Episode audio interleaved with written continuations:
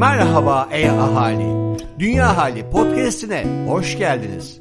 Burada sadece iklim krizinden değil, havadan, sudan da konuşuyoruz. Yuvamız, dünyamızdan bahsediyoruz. O zaman e hadi başlıyoruz.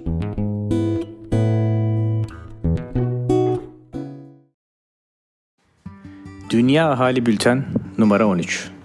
Selam Dünyalı. Kübra Dağtekin.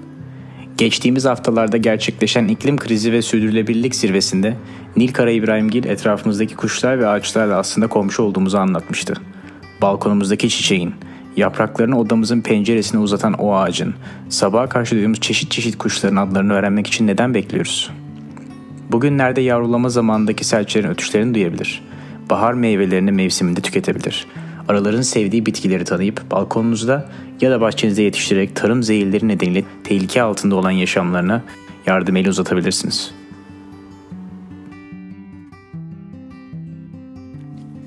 İyi ki varlar. Aslı söz dinler. Orman adam Yadav Payeng. İnsan ömrü ortalama 79 yıl. Peki bir ormanın ömrü ne kadar? Bir meşe ağacı mesela. Neredeyse 500 yıl yaşıyor. O yıllarda kaç ömür barındırıyor, kimlere gölge oluyor.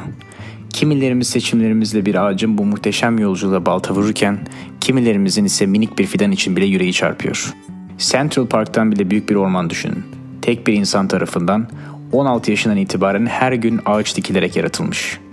Tam 40 senedir bu ormana adanmış bir hayat. O hayatın sahibi Orman Adam diye bilinen Yadav Payeng. Yadav Payeng'in hikayesi Hindistan'da Mayuli adasında ölen yılanları görmesiyle başlamış. Her sene nehrin taşmasıyla birlikte bu ada sel felaketleriyle zamanla çöl olmaya yüz tutmuş. Neredeyse hiç ağaç olmadığı için güneşin sıcağından kaçamayan sürüngenler de bu sebepten topluca ölmeye başlamış.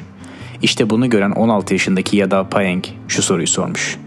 Ya biz de bir gün bu yılanlar gibi olursak o zaman ne yapacağız? Forest Man belgeselinin yönetmeni William Douglas McMaster, Payeng'in yolculuğunu alçak gönüllü ve tutkulu diye tanımlıyor. 2014 yılında Cannes Film Festivali'nden ödül alan 16 dakikalık belgeseliyle Payeng'in hikayesi hepimiz için ilham niteliğinde.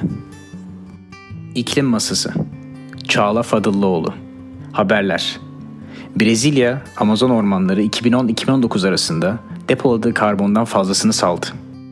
Nature Climate Change dergisinde yayınlanan çalışmaya göre Brezilya Amazonları 2010-2019 yılları arasında depoladığı karbondan fazlasını atmosfere saldı. Salımların büyük çoğunluğu bir bütün olarak biyokütlenin zarar görmesi sonucu orman alanlarının yapısının bozulmasından kaynaklanıyor. 2017 ve 2018'de yıllık 1 milyon hektarlık orman kaybı 2019'da 3.9 milyon hektara yani yaklaşık 4 katına çıktı. Eğer Amazon ormanlarının tamamı karbon yutağı olmaktan net karbon salımına sebep olacak duruma gelirlerse iklim değişikliğiyle mücadele çok daha çetin olacak. Tek Dünya Kentleri Yarışması WWF Türkiye 2021 Uluslararası Tek Dünya Kentleri Yarışması'nın Türkiye ayağını başlatıyor. İki yılda bir düzenlenen Tek Dünya Kentleri Yarışması'nın hedefi kentlerde iklim dostu dönüşümü teşvik etmek ve çevresel sürdürülebilirlik hedefleri doğrultusunda yol alan kentleri öne çıkararak toplumsal farkındalık oluşturmak. Yarışmaya katılan kentlerin kamuoyuna açık olarak raporladıkları veriler uluslararası bir jüri tarafından incelenecek ve sıcaklık artışını 1,5 dereceyle sınırlı tutma hedefiyle uyumlu olup olmadığı yönde değerlendirilecek. Büyük Menderes Nehri kuraklıkla yüzleşiyor. Aydın Ovası'nı sulayan Büyük Menderes Nehri yağışların az olması nedeniyle kurumuş durumda. En kurak dönemlerinden birini yaşayan nehirdeki su seviyesinin çekilmesiyle zor durumda kalan çiftçilerin bazıları traktör ile set yaparak nehrin dibinde kalan suları biriktirip çözüm üretmeye çalışıyorlar.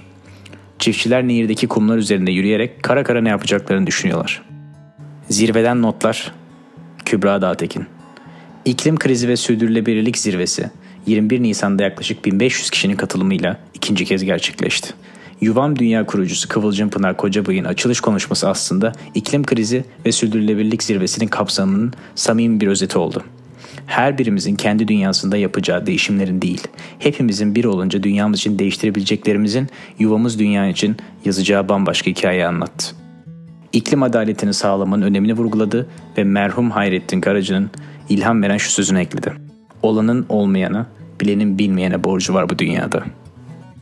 Yeşil Köşe Ece Çakır Gastronomi dünyasında halen en görünür değerlendirme sistemlerinden biri olarak kabul edilen Michelin Guide, bir restoranı denetlerken belirli bir ölçüm sistemine tabi tutmak için başvurulan bir işleyiş bütünü. Yemekleri, masa düzenini, restorandaki ambiyansı denetleyen ayrı sistemleri bulunan Michelin Guide'da her bir restoran 0 ile 3 yıldız arasında değerlendiriliyor. Çok kişinin Michelin deyince aklına gelen işte bu yıldızlar.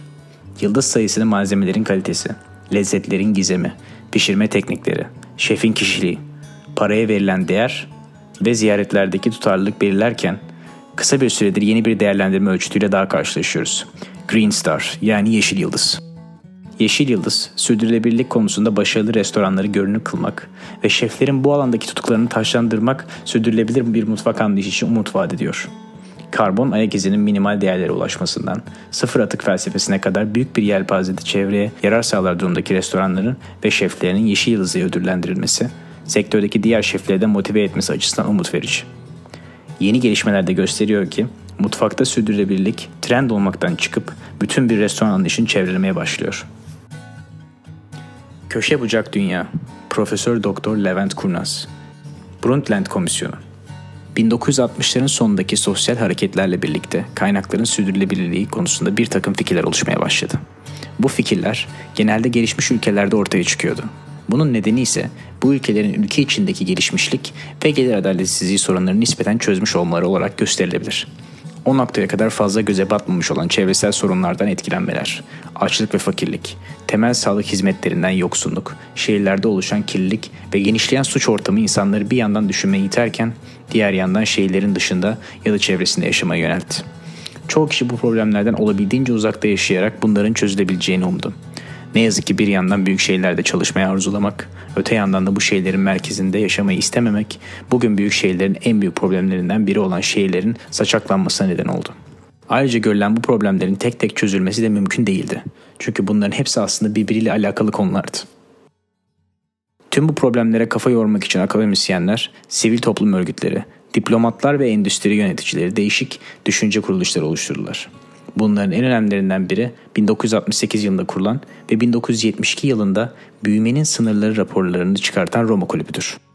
Ekonomistlerin gözünde o noktaya kadar hatta belki bugün bile sonsuza kadar büyüyebilmek mümkündü.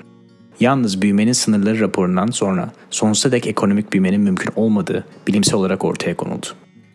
Rapor bu şekilde büyümeye devam edecek olursak endüstriyel çıktı ve dünya nüfusunun yaklaşık 2072 yılından itibaren çok hızlı ve kontrol edilemeyen bir çöküş yaşayacağını gösterdi. Bunun engellenerek ekolojik ve ekonomik dengeye ulaşabilmesi için o zamanki büyüme hızının ve şeklinin değişmesi gerekiyordu. Bu görüşleri bugün ortaya koyduğunuzda bile büyümenin sonsuza kadar sürebileceğini düşünen çoğu birey tarafından ciddiye alınmayabilirsiniz. Aslında bu çok da yanlış bir düşünce değil. Ne de olsa yüzyıllardır doğayı talan etme pahasına büyümeye devam ediyoruz. Doğanın kaynaklarını sömürüyoruz ve atıklarımızı serbestçe doğaya atıyoruz. Geniş resme bakmayıp sadece kendi çevresinde gününü geçiren insanlar açısından bir sorun olmadığını düşünülmesi o günde normaldi ve bugüne kadar da bu düşüncede ciddi bir değişim olmadı. İkinci Dünya Savaşı'ndan 1970'lere kadar ekonominin normal biçimde büyüyüp geliştiği ve her şeyin yolunda olduğu düşünülüyordu. Ekonomik sistem 1960'ların sonunda ciddi bir sarsıntı geçirdi ama esas 1970'lerde iki çok önemli kaynak krizi karşılaştı. Bunlardan ilki 1973-74 petrol kriziydi. Yaşanan bu iki olay dünya kaynaklarının sınırsız olduğu düşüncesi de sarsıntıya yol açtı. Kaynakların kısıtlılığı uzun süredir konuşuluyor olsa da sürdürülebilir kalkınma kavramı ilk defa Uluslararası Doğanın Korunması Birliği'nin 1980 yılında yayınladığı Dünya Koruma Stratejisi isimli belgede kullanıldı. Sonrasında Birleşmiş Milletler bu konunun uluslararası düzlemde incelenmesi amacıyla bir komisyon kurdu. Dünya Çevre ve Gelişme Komisyonu'nun başına da Norveç'in eski başbakanı Gro Harlem Brundtland getirildi. Komisyon bundan sonra literatürde artık bu isim ile değil Brundtland Komisyonu olarak bilinmeye başlandı. Bu komisyon uzun çalışmalar sonunda çok önemli bir rapor hazırladı. Ortak geleceğimiz Our Common Future. Bu rapor ilk defa sürdürülebilir kalkınmanın ya da gerçek bağlamı ile sürdürülebilir gelişmenin bir tanımını ortaya koydu. Bu tanıma göre gelişme, gelecek nesillerin kendi ihtiyaçlarını gidermelerine engel olmadan bugünkü ihtiyaçlarımızı giderebilmektir şeklinde açıklandı. Yuvam Dünyalılar ne yapıyor? Özgül Öztürk Öğreniyoruz. Sürdürülebilir kalkınma amaçlarını iş modellerinde etkinleştirme eğitimi. 26 Mayıs 2021 14-16 herkesin iş yapma şeklini ciddi bir şekilde gözden geçirmesi, ezberleri bozup yaptıklarını gezegene pozitif iz bırakacak şekilde dönüştürmesi gereken zamanlardayız. Tek bir eğitimde bu pek tabii mümkün olmayabilir. Fakat başlamak yolun yarısıdır inancıyla önce bilgiyi alıp sonra da hayata geçirebilmek için beklemeye de vakit yok. Sürdürülebilirlik Akademisi tarafından düzenlenen eğitime, sürdürülebilir kalkınma amaçları ile ilgili çalışmalara katılacak tüm çalışanlar ile konu hakkında bilgi sahibi olması gerekli görülen, konunun hassasiyetine önem veren ve kurumunda farklılık yaratmak isteyen tüm çalışan ve yöneticiler katılabilirler. Dünya Hali, Yuvam Dünya ve Boğaziçi Üniversitesi İklim Değişikliği ve Politikaları Araştırma Merkezi işbirliğinde BMW İ'nin desteğiyle yayınlanmaktadır.